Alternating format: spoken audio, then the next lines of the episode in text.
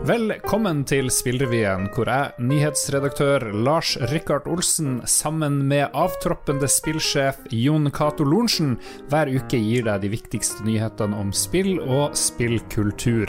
I forrige uke avslørte du at du forlater spillbransjen. Vanligvis What? prøver vi å ikke snakke så mye om oss sjøl, men denne uka så er det vanskelig. Eh, Min gode venn eh, Jon Cato, er det gøy å være i nyhetene i stedet for å dekke dem?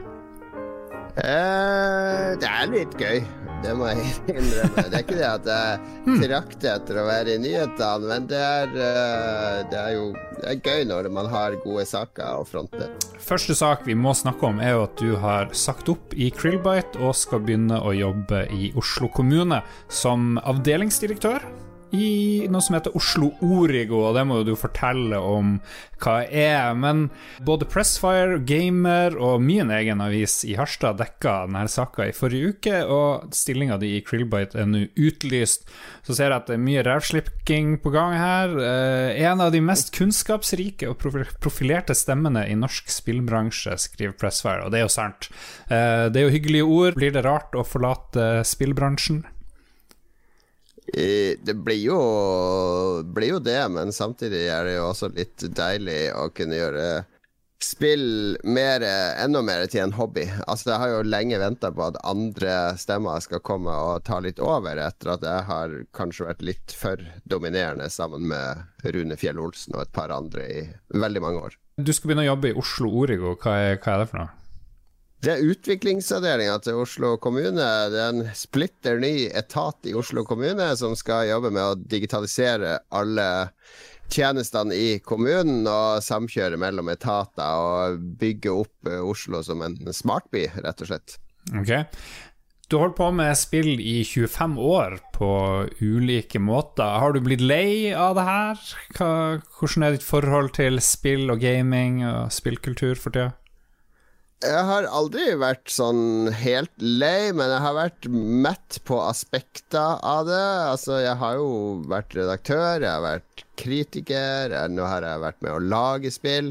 Uh, og så er det litt sånn at uh, Kanskje tenker jeg litt som en gamer, men jeg føler at jeg har runda mange ting innen spillbransjen og spillmedia og sånne ting. Du er på New Game Altså- Plus nå, er det det? Ja, det har vært i mange år, kanskje.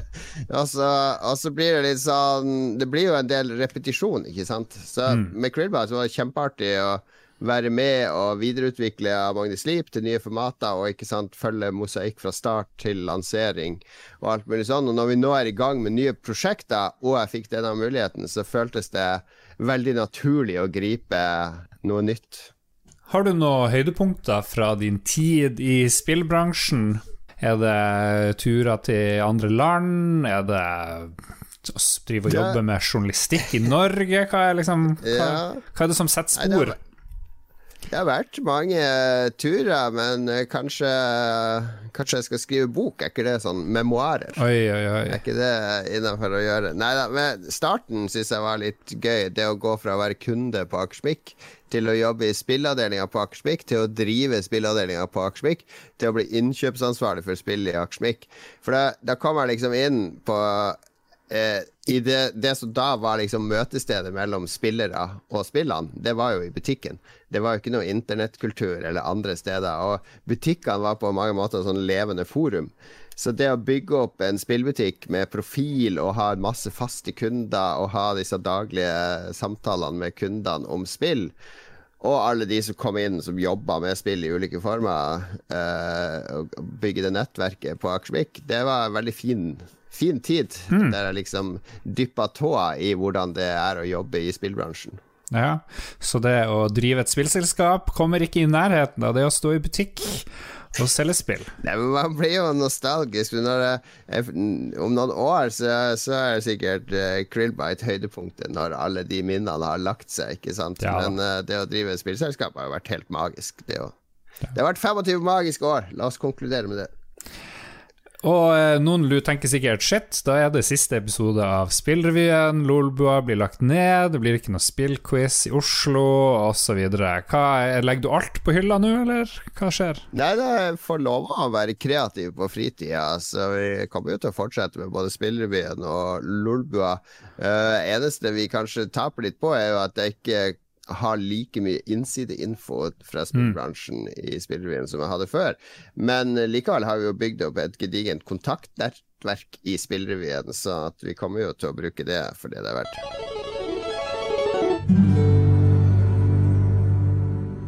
Et eh, leserinnlegg i Dagens Næringsliv skapte reaksjoner i det norske spillmiljøet i forrige uke. En bekymra far, Severin Zinukker, tror vi det uttales, skrev et innlegg om bruk av nettbrett og spill i skolen, der han fremheva Minecraft som et drapsspill uegna for barn. Erik Fossum i Pressfire skrev et tilsvar der han forsvarte bruk av Minecraft i skolen, og jeg får veldig flashbacks eh, til eh, jeg vet ikke, både 90-tallet og 2000-tallet og hysteriske foreldre. Jon Cato, eh, er vi i en tidsmaskin? Hvilket år befinner vi oss i? Ja, nei, jeg er enig med det. Det var litt sånn uh, Minner om uh, når Laila Dovøy holdt på i KrF, og, og elektronikkjeden Ekspert uh, fjerna Grand Theft Auto fra hmm. hyllene sine for å beskytte barna, osv. Så, videre. så det jeg trodde vi hadde kommet litt lenger i, i forståelse av dataspill og hvordan man kan bruke dataspill og dataspill som uttrykk. Vi tok en prat om saken med daglig leder Erik Fossum i Pressfire. Vi som starta med Minecraft helt i starten, har jo vært myndige i noen år nå. Jeg skulle jo tro at det hadde kommet en reaksjon før 2020 på at Minecraft er så utrolig voldelig. Uh, og Minecraft er jo selvfølgelig ikke et drapsspill. Uh, det lille som er av vold der, er jo så mildt at uh, hvis lista legges så lavt, så kan jo ungene nesten ikke konsumere noe som helst av andre medier. Eh, Donald Duck framstår jo som en rabiat og farlig person hvis du eh, liksom mener Minecraft er veldig voldelig. Det som kanskje er like interessant i en sånn her sammenheng, det er jo å se på hvordan større medier fremdeles behandler temaet dataspill.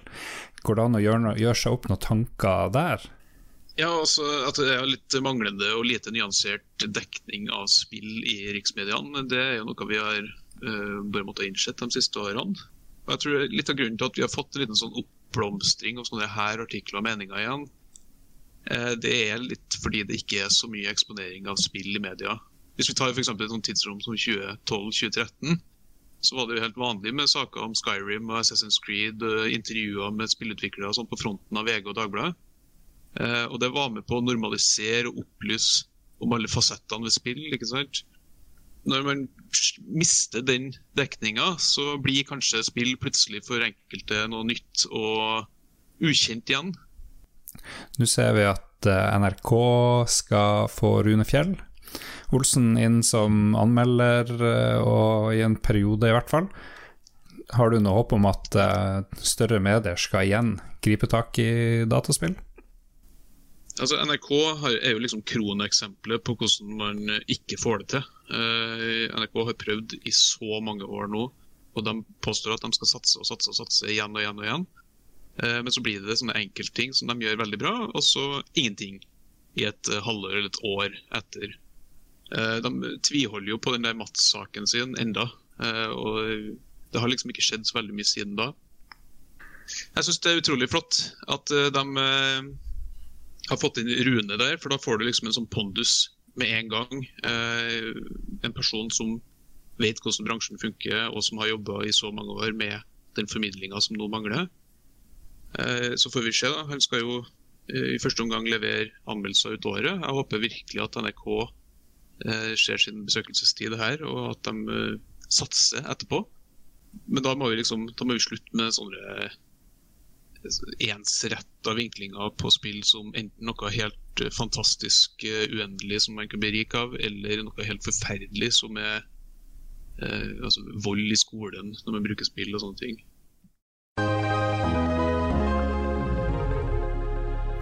Vi har snakka med NRK, og det skal vi få høre mer om seinere. Så kan de fortelle litt om hvorfor de tror det ikke er mer spill i massemediene i Norge.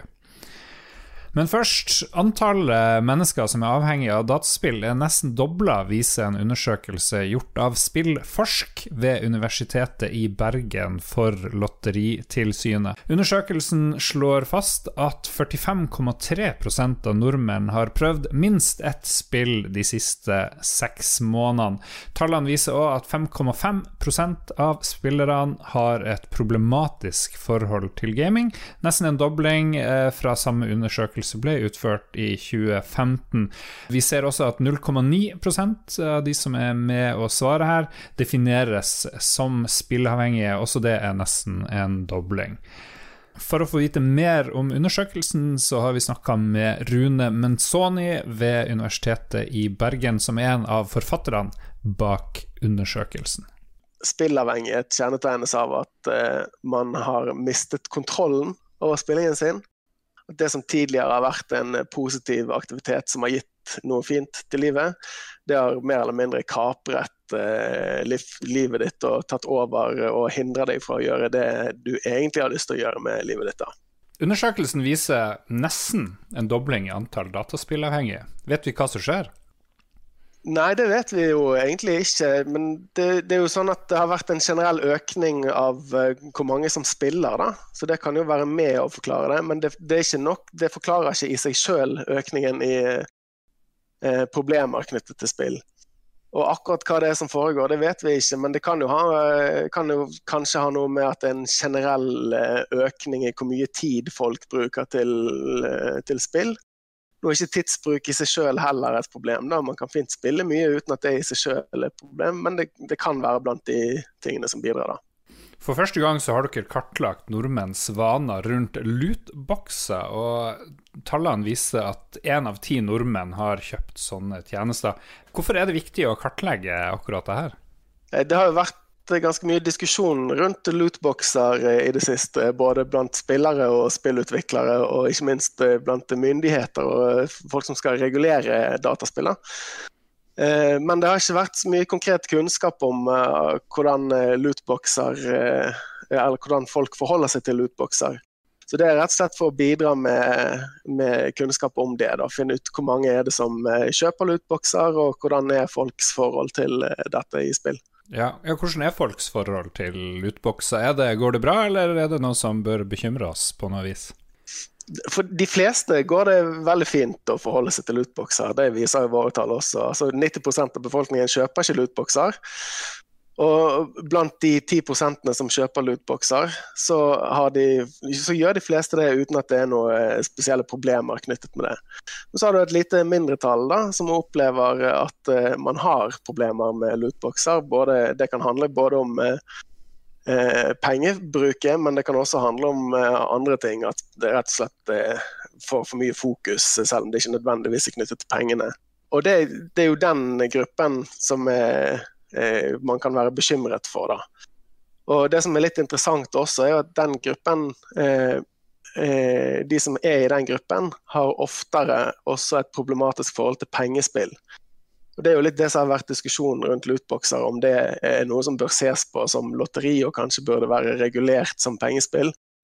Og Tallene fra vår undersøkelse de viser at det er absolutt en link her. da det er en sammenheng mellom det å bruke mye penger på lootboxer og, og ha et problematisk forhold til pengespill. Gjør myndighetene nok for å, å regulere denne typen eh, salg av, av, ting som kan, kan føre til problematisk atferd, både med pengespill og, og andre ting? Ja, det, Nå er jo vi inne på mine meninger om ting, og ikke hva undersøkelsen vår viser. Ja. Eh, men eh, jeg syns at det har tatt veldig lang tid fra norske myndigheters side med å gjøre seg opp en mening om hvordan man skal forholde seg til dette. Eh, og jeg vet jo at det jobbes med ny lovgivning rundt pengespill, der jeg forutsetter at man også vil ta stilling til lootboxer. Men det er allerede sånn i dag at noen varianter av lootboxer etter mitt syn treffer det som er kriteriene for pengespill.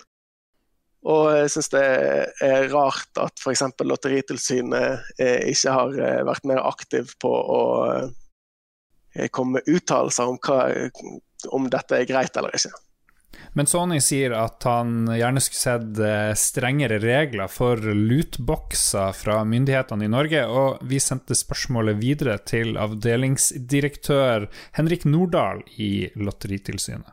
Dette er jo den første undersøkelsen som tar for seg omfanget av kjøp av lootbokser i Norge. Og omfanget var egentlig overraskende stort. Hele 9% sier at de har kjøpt til seg sjøl eller andre. Eh, og det er primært unge menn som har eh, kjøpt der. Det er kanskje mindre overraskende. Har du allerede et problem med dataspill eller pengespill, så har du 200% større risiko for å ha et problematisk forhold til lootboxer. Og det er interessant å se, se den sammenhengen. Om en eh, bør gjøre noe regulatorisk med dataspill generelt eller lootboxer, spesielt med bakgrunn i denne undersøkinga her, er jo et uh, godt spørsmål. Um, I dag blir jo spill regulert ut fra hvordan kategori de uh, hører til i. Og lootboxer havner i en gråsone mellom pengespill og dataspill. Um, vi i Lotteritilsynet har ikke gjort en selvstendig vurdering av om lootboxer uh, faller inn under pengespilldefinisjonen. Snarere tvert imot, vi er litt usikre på om det er i tråd med intensjonen med lova. Men Forum for spilltrender, som eh, var ei tverrfaglig gruppe nedsatt på oppdrag fra Kulturdepartementet, leverte i 2018 en rapport. Og De anbefalte myndighetene å vurdere andre måter å regulere det her på. Og De viste at det kan være mer formålstjenlig å regulere problematiske egenskaper i dataspill, fremfor å la en vurdering om det er dataspill eller pengespill avgjør om det er behov for regulering. Men undersøkelsen her peker jo på noen utfordringer. Og om de skal håndteres gjennom pengespillovgivninga eller regelverket, det må Stortinget ta stilling til. Men hvis det skal gjøres, så må det litt andre hjemler til for eh, Lotteritilsynet sin del. Eh, per i dag har vi begrensa muligheter for å regulere egenskaper i, i dataspill.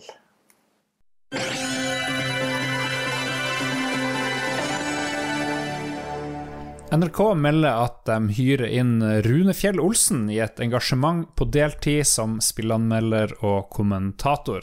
Rune er en av landets mest kjente spilljournalister og har eh, nesten like lang tid som deg, Jon Cato. 23 år har han i bransjen, og 19 av dem som journalist i VG. Og nå for tida så har han jobba fulltid med prosjektet Level Up, hvor han fortsatt skal jobbe.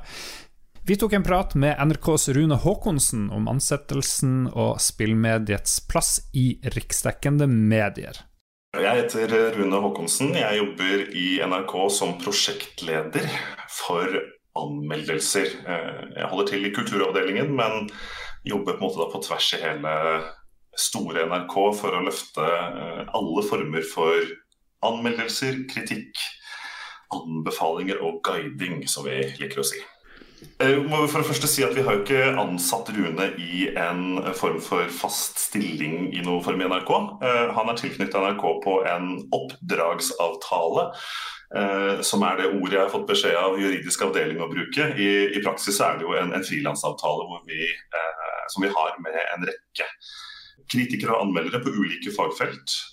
Det er folk som kan ting, har kompetanse ikke vi har selv, og som vi tenker er viktig å knytte til oss for å dekke eh, si, bredden da, i kulturfeltet. Så eh, Det var det første må si. da, at Det er jo eh, en, en frilansavtale, en oppdragsavtale. Den har en fast sluttdato. Så har vi jo selvfølgelig et ønske om å jobbe med dette på en måte som gjør at dette skal være en, en, en fast del av mm. Eh, NRKs dekning. Og så er det jo uh, artig å legge til at uh, Sist gang NRK hadde en fast spillanmelder, så var jo det meg uh, i Filmpolitiet. Uh, der jobba jeg fram til 2015. Ja. Holdt på med det i åtte år.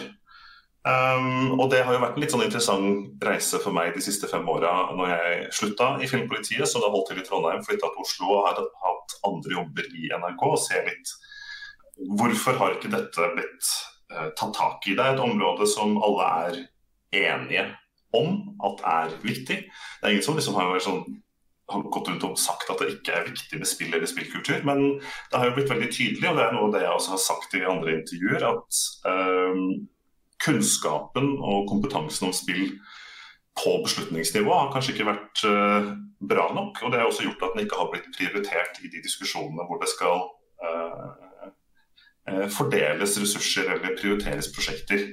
Så det har vært en del av min ambisjon da jeg da begynte denne jobben her i januar, øh, og har vært helt tydelig på at øh, det er et, en blindsone, en ting som NRK mangler. Og så har jeg også da jobba for å finne ut hvordan og hvem er det som vi kan knytte til oss på en god måte. Som tilfører oss det vi nå mangler. Og da har jo det vært en åpen utlysningsprosess eh, hvor det har vært 52 søkere. Det har vært eh, mange inne til intervju. Mm. Og i eh, den prosessen så møtte jeg utrolig mange spennende eh, folk eh, som eh, på ulike vis jeg tror alle hadde vært veldig kvalifiserte, men, men, det var jo selvfølgelig da en som skilte seg særskilt ut mm. med sin erfaring og formidlingsevne til det vi nå ønsker, altså det publikummet vi på en måte ønsker å legge vekt på. Ja. Så da, Det var litt bakgrunnen som gjorde at uh, vi forrige uke endelig kunne si at det er, eh, det er Rune som uh, skal bli med. og Da er det selvfølgelig masse artige memes og puns på at Runes combine, uh, nå får vi det til. Hvis vi ser på forholdene utenfor NRK og i, i, større medier i Norge generelt, så er det jo veldig lite dataspill der. Vi snakker ofte her om at uh, dataspill er den største kultureksporten fra Norge, f.eks., men uh, det, det, speiles ikke i noe særlig stor grad i VG, Aftenposten, Dagens Næringsliv osv. Uh, hvorfor tror du at det er sånn uh, at, at spillene fremdeles er litt i bakgrunnen? Jeg tror det er litt av det samme som har vært utfordringa til NRK. At uh, kunnskap og kompetanse rundt spill og spillkultur uh, ikke nødvendigvis uh, har plass ved beslutningsbordet, rett og slett. og så er det jo i det her også en ganske sånn type generasjonsskifte. Og jeg tror de som nå er skal si, mellom 35 og 45 da er på vei inn i posisjoner hvor man får mer mulighet til å påvirke. Um, men samtidig så tror jeg også at det er et poeng her at måten kanskje spilljournalistikken i Norge har fungert frem til da 2015, eh, har, har, Og det er kanskje litt, litt vanskelig å, å, å, å, på kort oppsummere det, men å si at det, eh, det som vi som har jobba med spilljournalistikk før, har tenkt på at det er dette vi savner. Jeg tror det kommer til å vise seg at den eh, måten spill og spillkultur blir en del av mediebildet, av journalistikk, kommer til å skje på veldig andre måter enn det vi eh, tror. Og at det tar kanskje en mer naturlig plass i hva skal jeg si, omgivelsene i, i, i, utgangspunktet for mange av de historiene som blir fortalt i årene fremover. Jeg tror at Det kommer til å være en veldig annen måte enn det vi kanskje har vært vant til å se.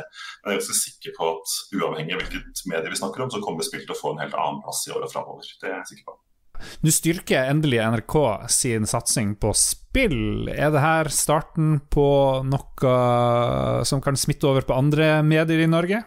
Vet du, Det er jo lov å håpe, for media i Norge er jo en stor saueflokk. Og når, eh, når en sau går, eh, går, en ny vei, så oi, følger jo de andre sauene ofte etter. Nei, men er det ikke sånn? Det er ikke det der eh, frykt for å Frykt for å gå glipp av noe. Så nå kanskje folk skjønner Oi, mm. NRK har skjønt det. Vi må jo vi må også styrke oss, så ikke NRK får monopol på, ja. på spill som kulturstoff. Så jeg krysser fingrene. Håper det. Plukk opp hansken, resten av media i Norge det klart mediene går i flokk, akkurat som spillindustrien. Når det først kommer én sjanger spill, så hopper alle andre etter, vet du. Så det er sånn flere steder.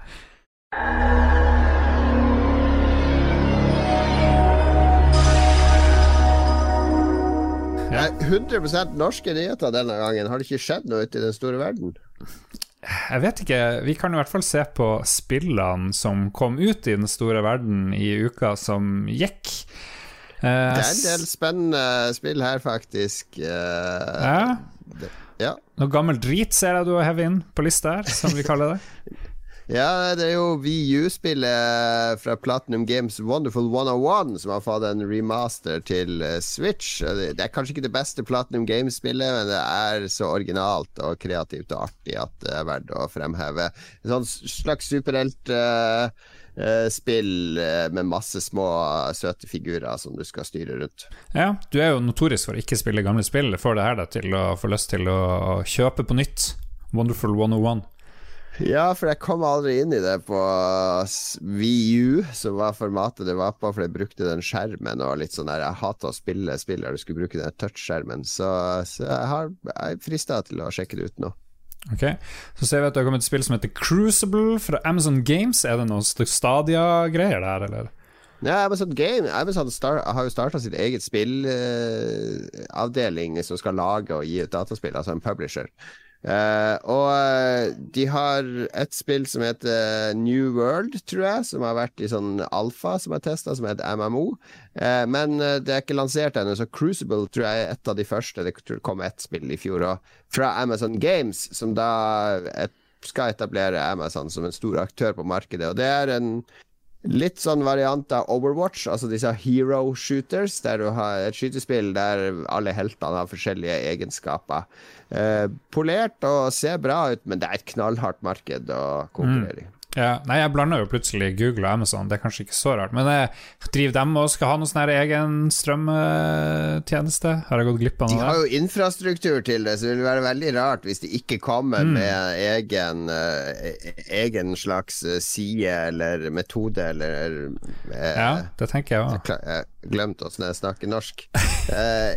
altså sånn e egen plattform. Uh, etter hvert. Men jeg tror de nå prøver å skape spill for å etablere seg. Og de har jo også en spillmotor som kanskje ikke er så kjent. Uh, Timber, tror jeg den heter. Eller Lumber, eller et eller annet sånt. Uh, det, jeg har vært i møte med Amazon om akkurat den spillmotoren. For det er en litt sånn variant av Crytek-motoren som Amazon uh, eier og har videreutvikla. Det er ikke så mange som bruker den, men de, de, de driver og, prøver seg inn i spillmarkedet og posisjonerer seg. Ja.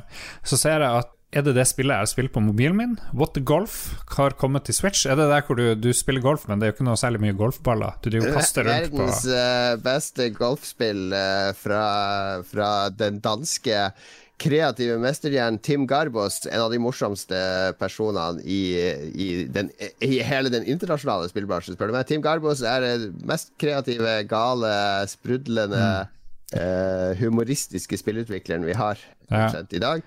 Og What the Golf, genialt spill ute på Switch nå. Ja, for du, når du tror du driver skal slå en ball, så kaster du plutselig golf, golfkølla i stedet. Det, det er golf, det er spillereglene. ja, spillereglene endres hele tida, og det parodierer et tonn med andre spill, som Superhot og Mario osv. etter hvert. Ja, veldig artig. Du, det vi glemte å nevne om her i starten, her, det var jo at du når du Game er i gang. Eh, en sånn her eh, konferanse går denne uka, og der skal du holde et foredrag. Vi kan ikke avslutte her uten å høre hva som skjer der.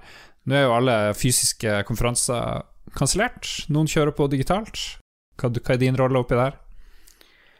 Ja, Nordic Game er jo nord eh, spillbransjen i Norden sin store møteplass i Malmö hvert år.